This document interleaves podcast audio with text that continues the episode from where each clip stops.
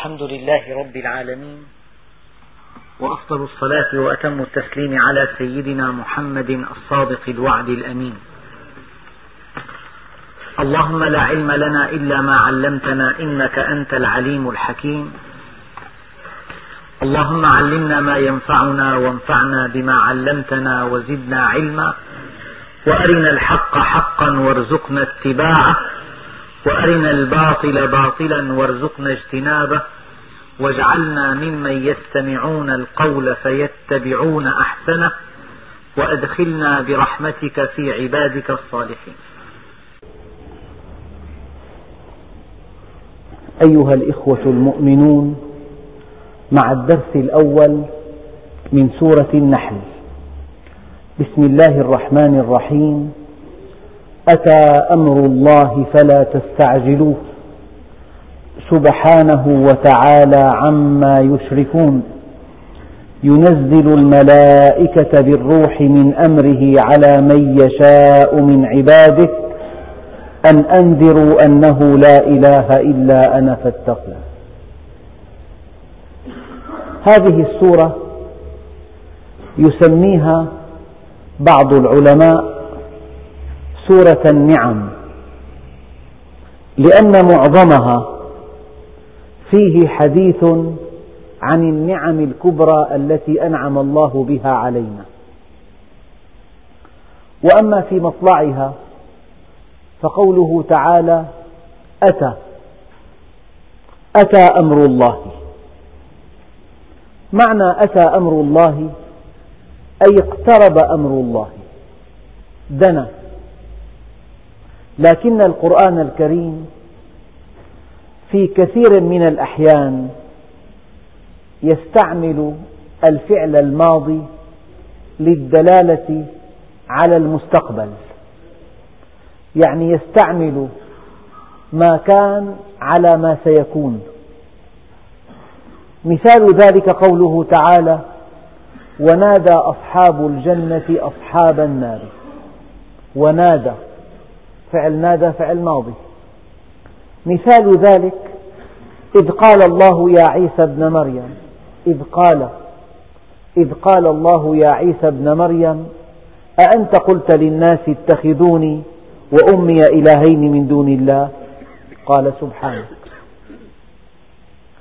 حيثما استعمل الله سبحانه وتعالى الفعل الماضي مكان المستقبل فهذا يعني تحقق الوقوع. فالماضي والمستقبل عند الله سيان. الماضي والمستقبل عند الله سيان. سائق السيارة إذا كان ينحدر بها في طريق هابطة وهذه الطريق تنتهي بمنعطف خطر وعلى يمين الطريق واد سحيق وعلى يساره كذلك واكتشف أن المكبح قد انقطع.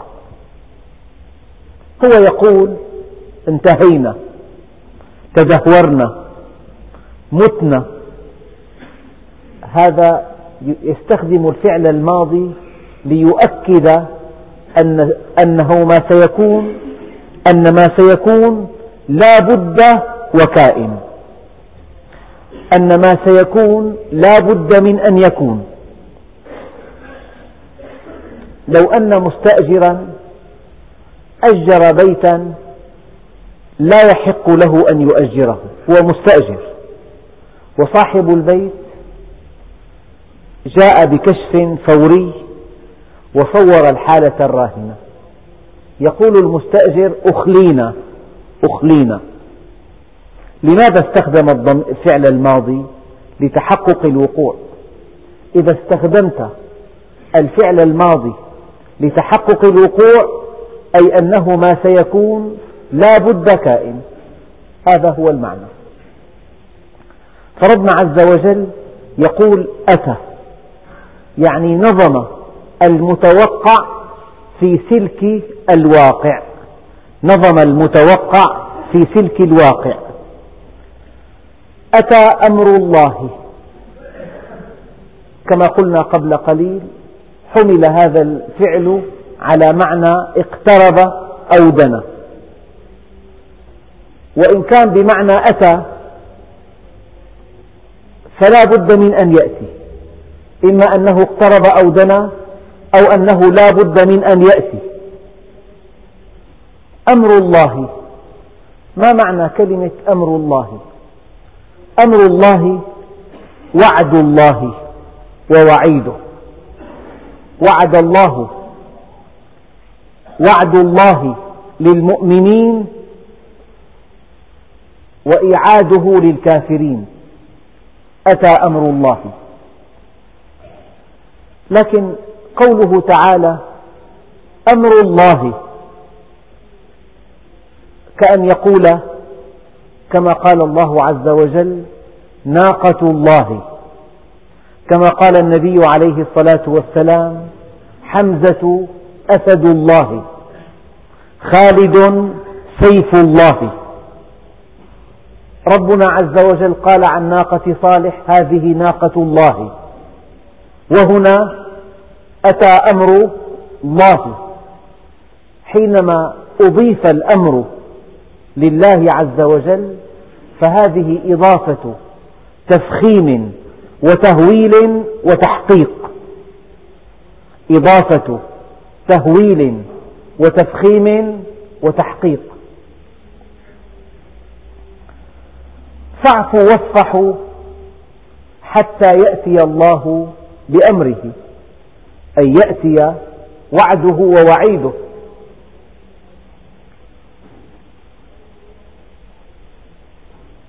ربنا سبحانه وتعالى يقول أم أبرموا أمرا فإنا مبرمون.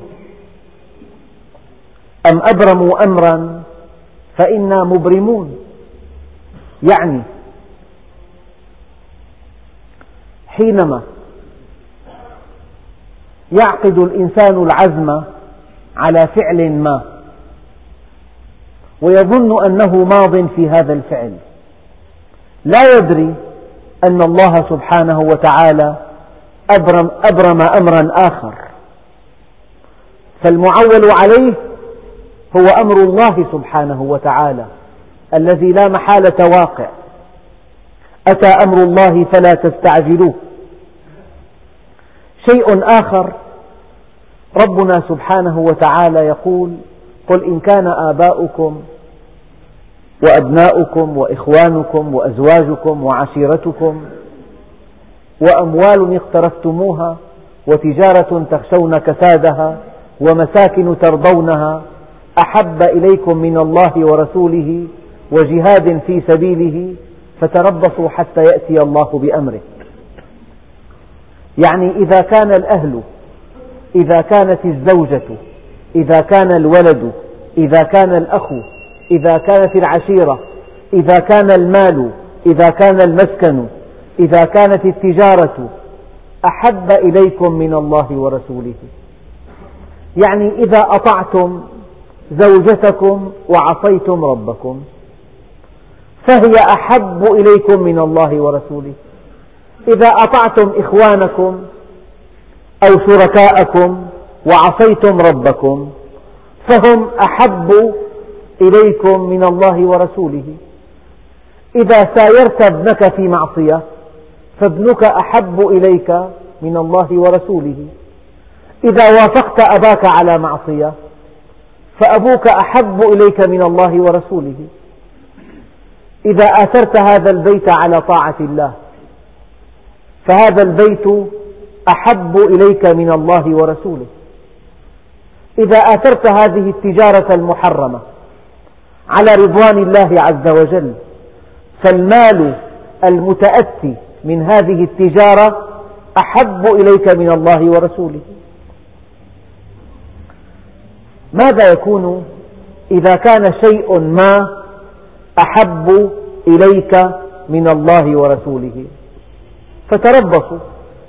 يعني الطريق إلى الله مسدودة الطريق إلى الله مسدودة تربصوا حتى يأتي الله بأمره. يأتي الله بأمره يعني بالعقاب الذي وعد به هؤلاء. حتى يأتي الله بأمره بالوعد الذي وعد به هؤلاء الذين آثروا الدنيا على الآخرة.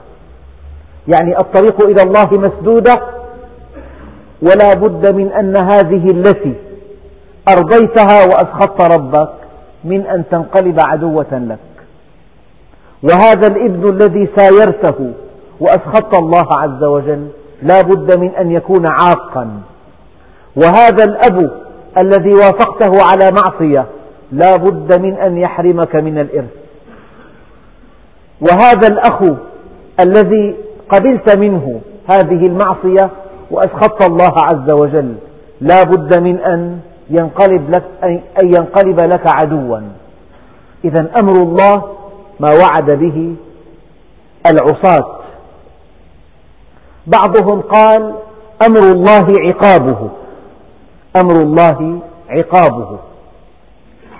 فربنا سبحانه وتعالى قال أتى أمر الله؟ بمعنى اقترب. فالمراد قل له أتى أمر الله. يعني اقترب أن, أن يدمر المال. بشر الزاني بالفقر ولو بعد حين. بشر كل عاص بمغبة معصيته ولو بعد حين. قل سيروا في الأرض ثم انظروا كيف كان عاقبة المكذبين. قل سيروا في الأرض فانظروا كيف كان عاقبة المكذبين. لا بد من أن تدفع الثمن غاليا. إذا كان هناك مخالفة. أتى أمر الله. كل مكابر كل منحرف كل فاجر كل عاصي قل له أتى أمر الله.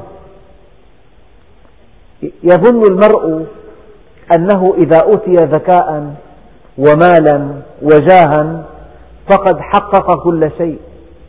يأتي أمر الله من جهة لا يحسب لها حسابا. يؤتى الحذر من مأمنه. أتى أمر الله. فلا تستعجلوه. تستعجلوه. من هم المخاطبون بكلمة فلا تستعجلوه؟ المخاطبون هم المشركون. لأن المؤمن لا يستعجل أمر الله عز وجل. أثر عن النبي صلى الله عليه وسلم هذا الدعاء. اللهم خر لي في قضائك. خر لي في قضائك. وبارك لي في قدرك.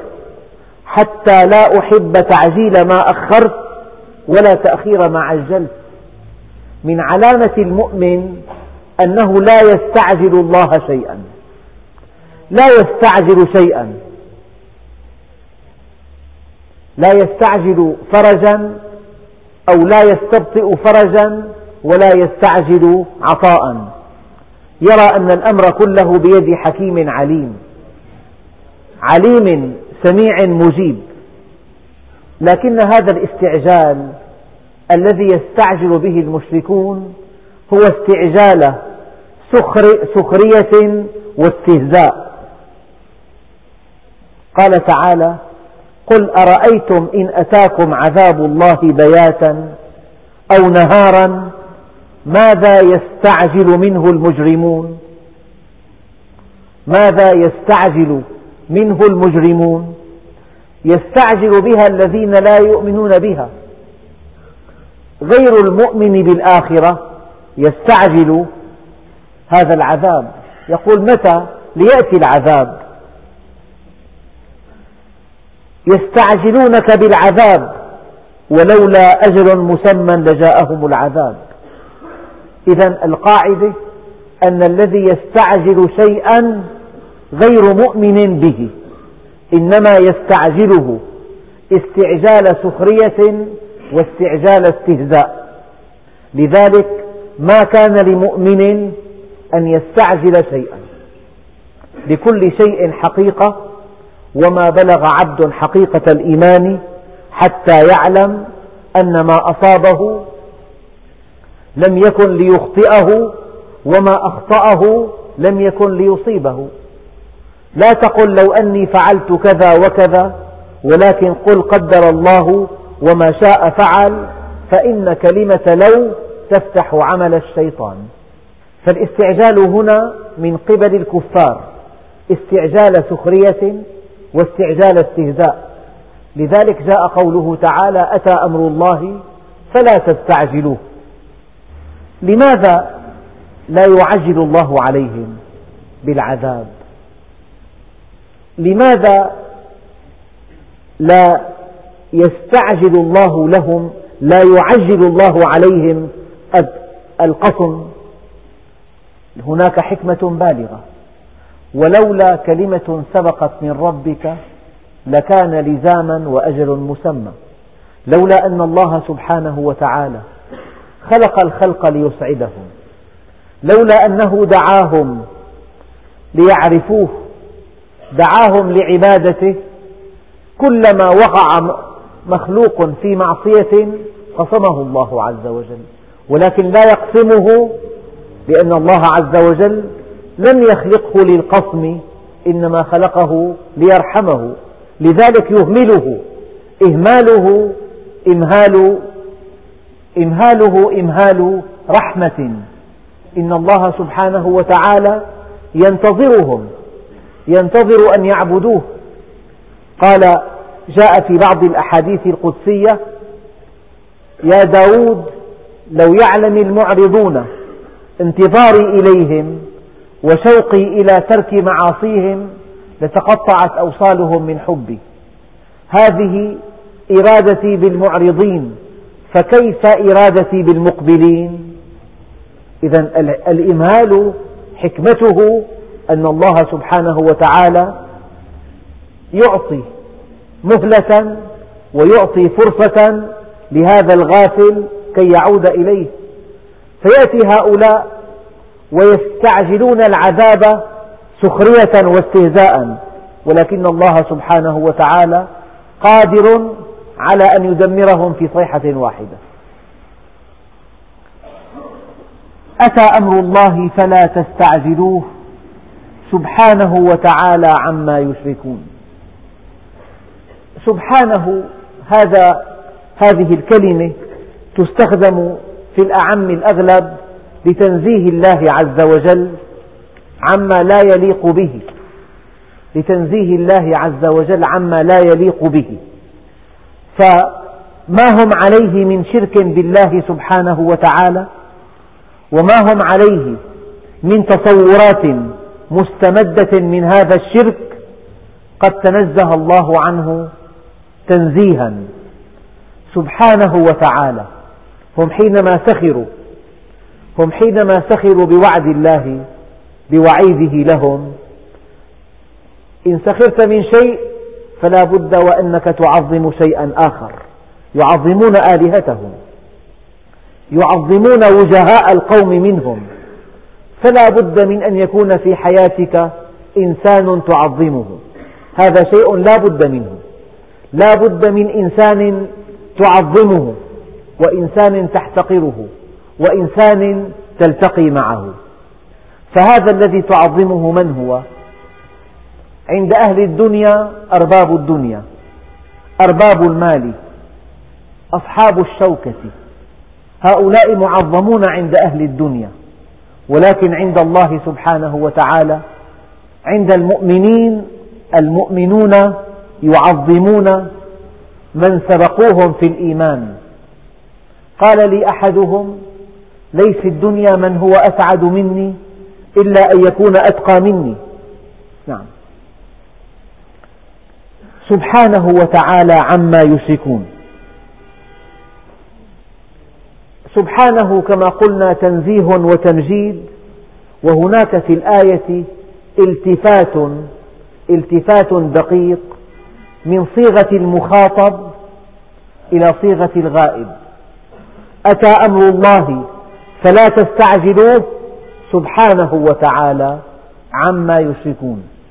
هذا الالتفات من المخاطب إلى الغائب التفات بلاغي هدفه أن الله سبحانه وتعالى أعرض عنهم استخفافا بحالهم.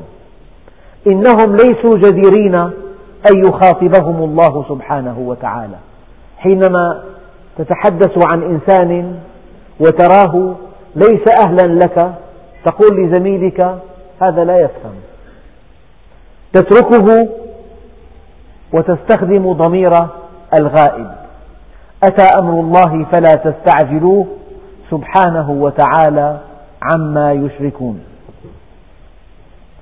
والله سبحانه وتعالى تبرأ عن أن يكون له شريك يدفع عنهم أمر الله. هم بماذا هم معتصمون؟ ما من مخلوق يعتصم بمخلوق دوني. أعرف ذلك من نيته. إلا جعلت الأرض هويا تحت قدميه وقطعت أسباب السماء بين يديه ما من مخلوق يعتصم بي من دون خلقي أعرف ذلك من نيته. فتكيده أهل السماوات والأرض إلا جعلت له من بين ذلك مخرجا. من أصبح وأكبر همه الدنيا. جعل الله فقره بين عينيه وشتت عليه شمله ولم يؤته من الدنيا إلا ما قدر له ومن أصبح وأكبر همه الآخرة جعل الله غناه في قلبه وجمع عليه شمله وأتته الدنيا وهي راغمة أوحى ربك إلى الدنيا أنه من خدمك فاستخدميه ومن خدمني فاخدميه فلذلك سبحانه وتعالى عما يشركون. هؤلاء الذين أشركوهم مع الله عز وجل هل ينفعونهم؟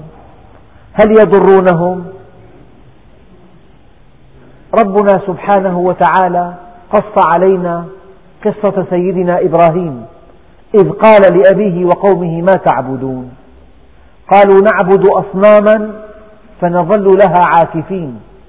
قال هل يسمعونكم إذ تدعون أو ينفعونكم أو يضرون قالوا وجد بل وجدنا آباءنا كذلك يفعلون قال أفرأيتم ما كنتم تعبدون أنتم وآباؤكم الأقدمون فإنهم عدو لي إلا رب العالمين الذي خلقني فهو يهدين والذي يطعمني ويس هو يطعمني ويسقين وإذا مرضت فهو يشفين.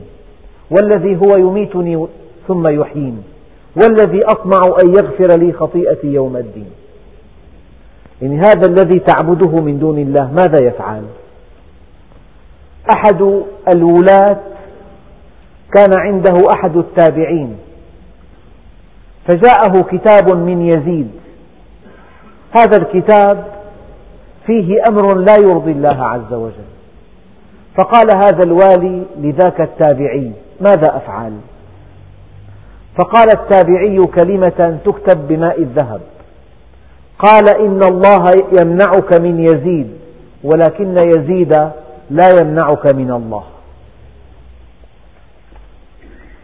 سبحانه وتعالى عما يشركون. يعني لما الإنسان يتعرف إلى الله عز وجل وبيآمن به وبيوحد بتنشأ في عنده حالة نفسية من نوع الغنى. هذه الحالة لا يعرفها إلا من ذاقها. يروى أحد الرواة قال دخلت على حماد في بيته. كان عالما صادقا عاملا. دخلت على حماد في بيته. فلم أجد إلا حصيرا جالسا عليه وبيده مصحف يقرأ فيه وجراب فيه كتب ومطهرة يتوضأ منها وليس في البيت أثاث ولا رياش. فمكثت قليلا وأنا جالس أفكر في هذا الرجل وفي بيته. فبينما أنا جالس دق الباب فقال حماد لبعض إخوانه اخرج وانظر من الطارق. فقال رسول من سليمان إلى حماد من أمير المدينة يعني. فأذن فدخل. فقال أما بعد فصبحك الله بما صبح به أولياءه وأهل طاعته. وقعت مسألة فأتنا نسألك عنها والسلام. وقعت مسألة فأتنا نسألك عنها والسلام. وظن هذا الرسول رسول الأمير أن حمادا سيستجيب له. وسيفرح بهذه الدعوة. لكنه قال له اقلب الكتاب واكتب على ظهره. أما بعد فأنت صبحك الله بما صبح به أولياءه وأهل طاعته. في أدب. إنا أدركنا العلماء وهم لا يأتون أحدا. فإذا وقعت لك مسألة فأتنا وسل ما بدا لك. ولا تأتي بخيلك ولا برجلك. تعال وحدك يعني. وصل هذا الكتاب كتاب الشيخ حماد إلى رسول إلى أمير المدينة سليمان. فتسرب بقلبه إخلاص حماد. وعزته للعلم والعلماء. وجاء يسعى إلى دار حماد ليسمع الفتوى وينزل بمجالس العلماء التي تحيا بها القلوب وينجلي صداها. فدق الباب فقال لأحد إخوانه انظر من الطارق. فعاد وقال سليمان أمير المدينة. فقال ليدخل وحده. فدخل سليمان غرفة حماد وقد علت هيبته هيبة الملك. علت هيبته هيبة حماد هيبة الملك. لا يدري من أين تسربت إليه.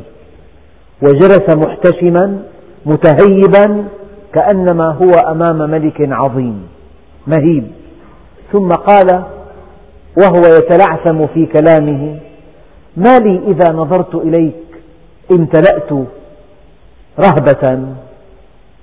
فقال حماد إذا أراد العالم بعلمه وجه الله هابه كل شيء. وإذا أراد بعلمه الدنيا هاب كل شيء. إذا أراد العالم بعلمه وجه الله هابه كل شيء. وإذا أراد بعلمه الدنيا هو هاب كل شيء. والقصة لها تتمة. على كل سبحانه وتعالى عما يشركون. ليس إلا الله. أطع أمرنا نرفع لأجلك حجبنا. فإنا منحنا بالرضا من أحبنا ولذ بحمانا واحتمي بجنابنا لنحميك مما فيه أشرار خلقنا. ثم يقول الله عز وجل ينزل الملائكة بالروح من أمره على من يشاء من عباده. أن أنذروا أنه لا إله إلا أنا فاتقون.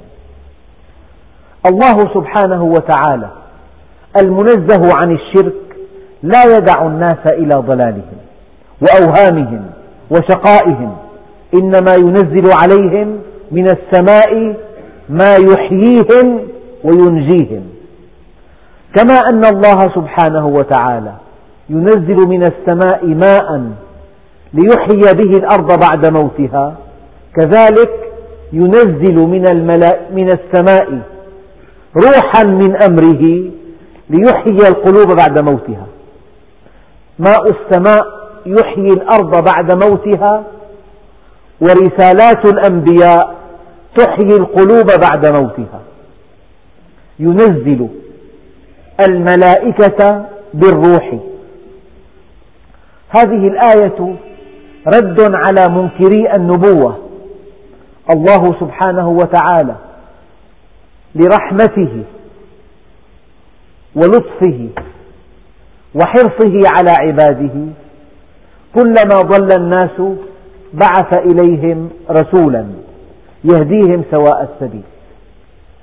وفي الديانة الواحدة كلما فترت همة الناس وضعفت عزيمتهم ودخل على الدين ما ليس منه بعث الله على رأس كل مئة عام من يجدد لها دينها ربنا سبحانه وتعالى يقول واعبد ربك حتى يأتيك اليقين. وقلنا وقتها إن اليقين هو الموت. وقلنا وقتها إن الله سبحانه وتعالى سمى الموت يقينا لتيقن وقوعه ولأن فيه اليقين. يعلم المرء عند الموت علم اليقين. كذلك كان من الممكن أن يقول أن يقول الله سبحانه وتعالى ينزل الملائكة بالقرآن. الروح هنا القرآن. لماذا قال الروح؟ هذا هذه تسمية هادفة. سمى الله سبحانه وتعالى القرآن روحا لأنه حياة للقلوب. البيت الذي ليس فيه قرآن كالبيت الخرب. القلب الذي ليس فيه شيء من القرآن كالبيت الخرب. إن القلوب لتصدأ قيل وما جلاؤها؟ قال ذكر الله وقراءة القرآن. فالقرآن سماه الله روحا لأن فيه حياة النفوس. القرآن تحيا به القلوب كما تحيا, به كما تحيا بالماء الأبدان. والله سبحانه وتعالى يقول الحمد لله فاطر السماوات والأرض. الحمد لله الذي أنزل على عبده الكتاب ولم يجعل له عوجا. الكون في كفة والكتاب في كفة. يعني ما دام الله سبحانه وتعالى قد خلق الخلق فلا بد من أن يرشدهم. قد يشق الطريق ويفرش أرضه بالإسفلت. وبعد ذلك توضع الإشارات الدالة على معالمه. خلق الله السماوات والأرض وأرشد الخلق إلى طريق الحق.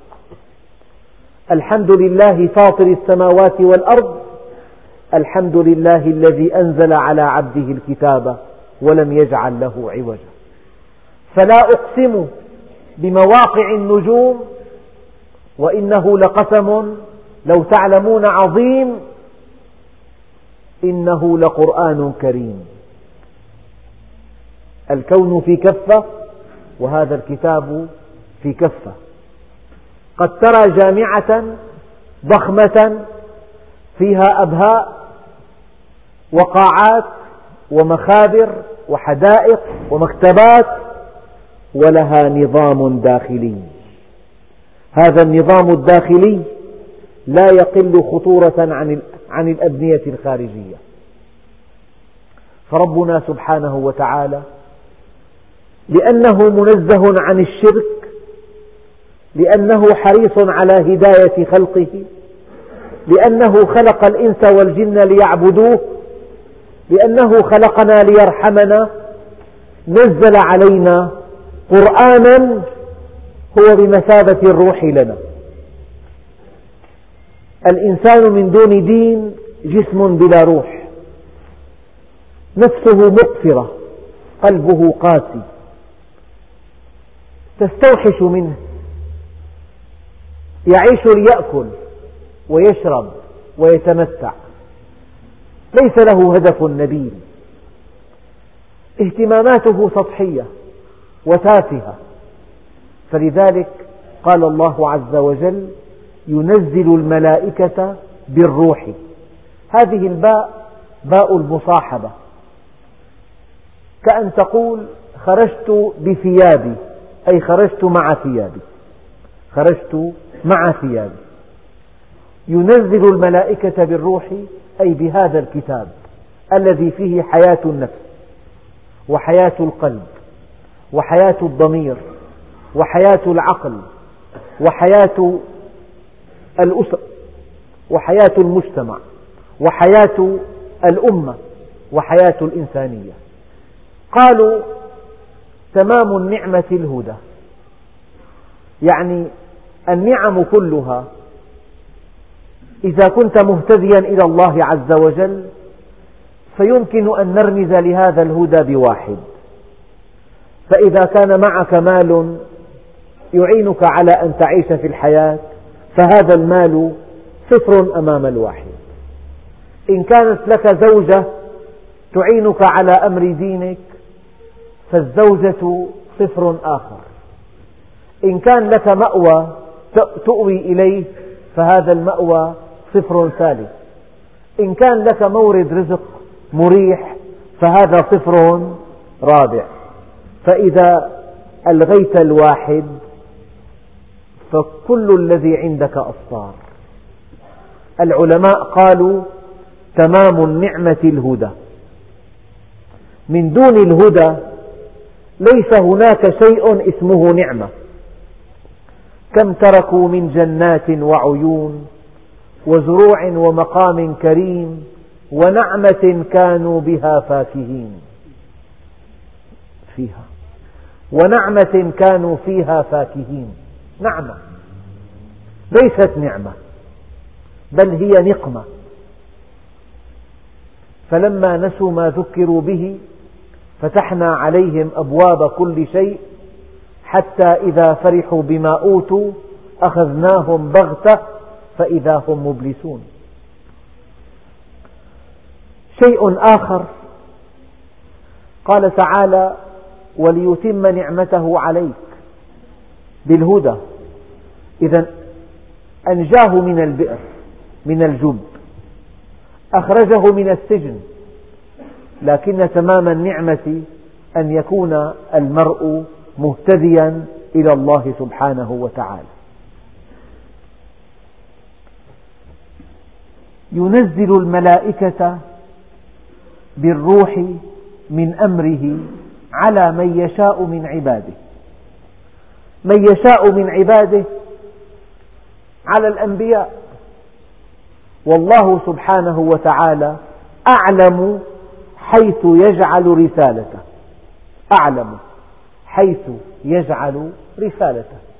إن الله اصطفى آدم ونوحا وآل إبراهيم وآل عمران على العالمين. الله اصطفاهم اختارهم على علم. فمقام مقام النبوة مقام اصطفائي. الله سبحانه وتعالى نظر في عباده نظرة اصطفى منهم أكثرهم حبا له أكثرهم حمدا أكثرهم قربا أكثرهم نفعا فجعلهم أنبياء مصطفين. على من يشاء من عباده. والنبي أي نبي لا يزيد عن أن يكون عبدا لله. أشهد أن لا إله إلا الله وأشهد أن سيدنا محمدا عبده ورسوله. هم قالوا لولا أنزل هذا القرآن على رجل من القريتين عظيم. هم رشحوا أناسا من علية القوم لينزل القرآن عليه لكن الله سبحانه وتعالى أعلم حيث يجعل رسالته. أن أنذروا أنه لا إله إلا أنا فاتقون. أن أنذروا. لماذا لم يقل أن بشروا؟ هو الذي ينزل الملائكة بالروح. هذا الروح أي هذا الكتاب القرآن أو بيانه القرآن الكريم وما بينه النبي عليه الصلاة والسلام منه. هذا فحواه أن أنذروا أنه لا إله إلا أنا فاتقون. الإنذار من تعريف الإنذار أنه إخبار بالخطر. الإنذار إخبار فيه تخويف أو إعلام بالمحذور. هذا هو الإنذار. وأما قوله تعالى أن أنذروا أي ينزل الملائكة بالروح من أمره على من يشاء من عباده لينذروا. أن أنذروا بمعنى لينذروا. أنه لا إله إلا أنا فاتقون. لا إله أي لا معبود بحق إلا الله. ليس في الكون جهة تستحق العبادة إلا الله. ولماذا ليس في الكون جهة تستحق العبادة إلا الله؟ لأنه ليس في الكون فاعل ومسير إلا الله. لأن الأمر كله إليه هو وحده يستحق العبادة. لأن الأمر كله إليه إذا هو وحده الذي يستحق العبادة. فالديانات كلها السماوية فحواها لا إله إلا أنا فاعبدون. لا إله إلا أنا فاتقون. التوحيد نهاية العلم والتقوى نهاية العمل. كم في الأرض من علوم؟ نهاية العلوم كلها التوحيد. إذا عرفت أنه لا إله إلا الله فقد عرفت كل شيء. وإذا غابت عنك هذه الحقيقة فقد جهلت كل شيء. التوحيد منتهى العلم والتقوى منتهى العمل. يعني مهما كنت ذكيا إذا كنت أمام حفرة سحيقة وأنت تمشي على طريق مهما أقنعتني بعكس ما تريد. حيدانك عن هذه الحفرة منتهى العمل الصالح. منتهى العلم أن تعرف أنه لا إله إلا الله ومنتهى العمل أن تعرف أن تتقي أن تتقي الله سبحانه وتعالى. بمعنى أن تتقي معصيته أو أن تتقي المضار بنوره. إما أن تتقي معصيته وإما أن تتقي بنوره. تقبل عليه فيلقي في قلبك نورا تتقي به وترى به الخير خيرا والشر شرا. أما أن كلمة التوحيد لا إله إلا الله وما يتبعها من عبادة أو تقوى هي فحوى رسالات الأنبياء جميعا فلقول الله عز وجل وما أرسلنا من رسول إلا نوحي إليه أنه لا إله إلا أنا فاعبدون. ما دام الله سبحانه وتعالى واحدا في الألوهية فهو وحده الذي يتقى. ولا يتقى أحد معه.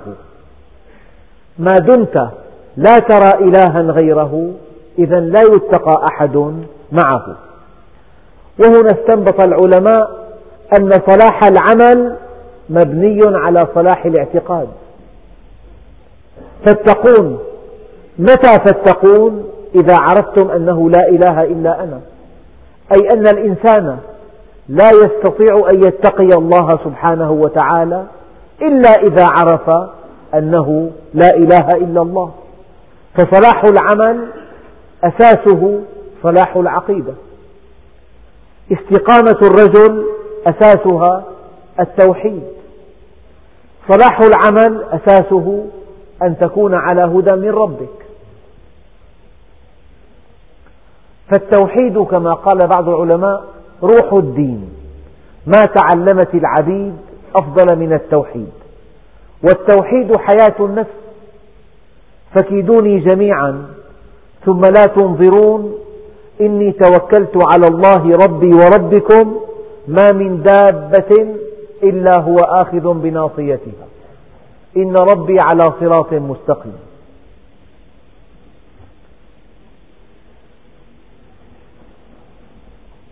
خلق السماوات والأرض بالحق تعالى عما يشركون. أذكركم ثانية بكلمة بالحق التي وردت قبل درسين. يعني خلق السماوات والأرض لم يخلق السماوات والأرض باطلا بل خلقها بالحق. ولم يخلقها لاعبا بل خلقها بالحق. فالحق هو الشيء المضاد للعب والمضاد للزوال. الشيء الثابت الهادف. الحكمة الثابتة. هذا هو الحق. فلذلك هناك هدف كبير من خلق السماوات والأرض. إن لم يكن هذا الهدف واضحا بين عينيك فالأمر خطير. إلى أين أنت تسير؟ إذا كنت تعرف الهدف خلق السماوات والأرض بالحق تعالى عما يشركون. سبحانه وتعالى عن أن يخلقها بالباطل. وسبحانه وتعالى عن أن يخلقها لعبا أو عبثا أو سدى أفحسبتم أنما خلقناكم عبثا وأنكم إلينا لا ترجعون؟ فتعالى الله الملك الحق لا إله إلا هو. الملك الحق. دليل على عظمة الله سبحانه وتعالى وعلى وحدانيته وعلى أنه خلق السماوات والأرض بالحق. يعني كلنا نمشي على الأرض وكلنا ندخل أحيانا بعض الأراضي الزراعية. نرى ترابا قد أنبت عشبا أو كلأ أو محاصيل أو خضروات أو أشجار مثمرة. فيا ترى من منا يصدق أن هذا التراب الذي نطأه بأقدامنا فيه عوالم من الكائنات الحية عوالم لا يعلمها إلا الله. يعني في مقالة عن التربة الزراعية وما فيها من كائنات حية شيء لا يصدق. ذكرته في خطبة الجمعة ورجاني أحد الإخوة أن أعيده في هذا الدرس. ففي المتر الواحد المكعب من التربة الزراعية ما يزيد عن مئتي ألف من الديدان العنكبية بالمتر المكعب الواحد من التربة الزراعية فيه ما يزيد عن مئتي ألف من الديدان العنكبية. وفي المتر المكعب الواحد من التربة الزراعية فيه ما يزيد عن مئة ألف من الحشرات الفروية. وفيه من مئتين إلى ثلاثمائة من الديدان العادية. ديدان الدود الصغير. وفي هذا المتر المكعب من التربة الزراعية آلاف الملايين من الجراثيم والكائنات المتناهية في الدقة والقراديات. من منا يصدق أن غراما واحدا من هذه التربة فيه ما يزيد عن عدة مليارات من البكتريات؟ غرام واحد. عند الصيدلي في غرام قطعة نحاس مربعة لا يزيد تزيد أبعادها عن مليمترات. هذا الغرام من التربة فيه بضعة مليارات من البكتريات. في بكتريات على شكل عصيات بكتريات على شكل كريات بكتريات على شكل حلزونيات. في بكتريات تحتاج إلى أكسجين هناك بكتريات لا تحتاج. هناك بكتريات عارية هناك بكتريات لها أهداب تنتقل عبرها. في الغرام الواحد من التربة الزراعية فيه ما يزيد عن عدة, ملاي... عدة مليارات من هذه البكتريات شيء غريب أن هذا المتر المكعب مئتين ألف ديدان عنكبية مئة ألف حشرة فروية مئتين لثلاثمئة دودة آلاف الملايين من الجراثيم والكائنات المتناهية الدقة. وبكل غرام من هذه التربة بضعة مليارات من البكتيريات هذا مصنع يعمل بنشاط عجيب. لكن حتى الآن لم يعلم العلماء خطورة أو مهمة أو طبيعة عمل هذه الكائنات. لقول الله عز وجل وما أوتيتم من العلم إلا قليلا. ولقول الله عز وجل ولا يحيطون بشيء من علمه إلا بما شاء.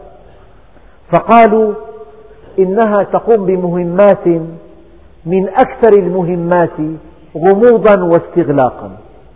وأن هذه الكائنات الحية في التربة الزراعية تقدم نفعا يكاد يكون نفعا مصيريا. لو أنها توقفت عن العمل لتوقفت الحياة. لو أنها توقفت عن العمل لتوقفت الحياة كليا. قال هذه الكائنات الدقيقة تلتهم الأوراق المتساقطة. الله عز وجل جعل لأوراق الأشجار عمرا. حينما ينتهي عمرها تتساقط. تأتي هذه الكائنات تلتهم هذه الأوراق. وتأتي كائنات أكبر منها تلتهم فضلاتها. وتأتي كائنات أكبر منها تلتهم فضلات الثانية. بحيث تصبح هذه الورقة بعد حين سمادا عضويا للتربة. فهذه الأوراق الخضراء تقوم بعملية حيوية هي عملية التمثيل والتحليل الضوئي. إن هذا الغذاء الذي نأكله بعضه من الشمس وبعضه من غاز الفحم الذي أودعه الله في الجو وبعضه من الماء. لذلك لا نبات من دون ضوء. مواد النبات تأخذها من الأوراق فالأوراق كأنها معامل تقدم للنبات غاز الفحم الذي تأخذه من الهواء بالتعاون مع أشعة الشمس. هذه الآيات ما منا إنسان إلا ويأكل شيئا عن طريق النبات. حتى لو أكل اللحم أصل اللحم ماذا يأكل؟ الحيوان الذي نأكله؟ النبات. فالنبات أساس الحياة. والله سبحانه وتعالى يقول الذي جعل لكم من الشجر الأخضر نارا فإذا أنتم منه توقدون. الشجر الأخضر. طيب كيف نوقد هذا الشجر الأخضر؟ هناك سؤال. لا يوقد الشجر إلا إذا كان يابسا. لكن بعضهم قال إن الشجر الأخضر كناية عن أن الشجر لولا أوراقه الخضراء لما كان شجرا. يعني أوراقه الخضراء هي التي تسهم في صنع النبات وفي تكوين بنيته الأساسية. على كل هذه الآيات الدالة على عظمة الله سبحانه وتعالى بثها الله في الأرض. فتفكروا في خلق السماوات والأرض لأنه باب واسع لمعرفة الله سبحانه وتعالى. والحمد لله رب العالمين.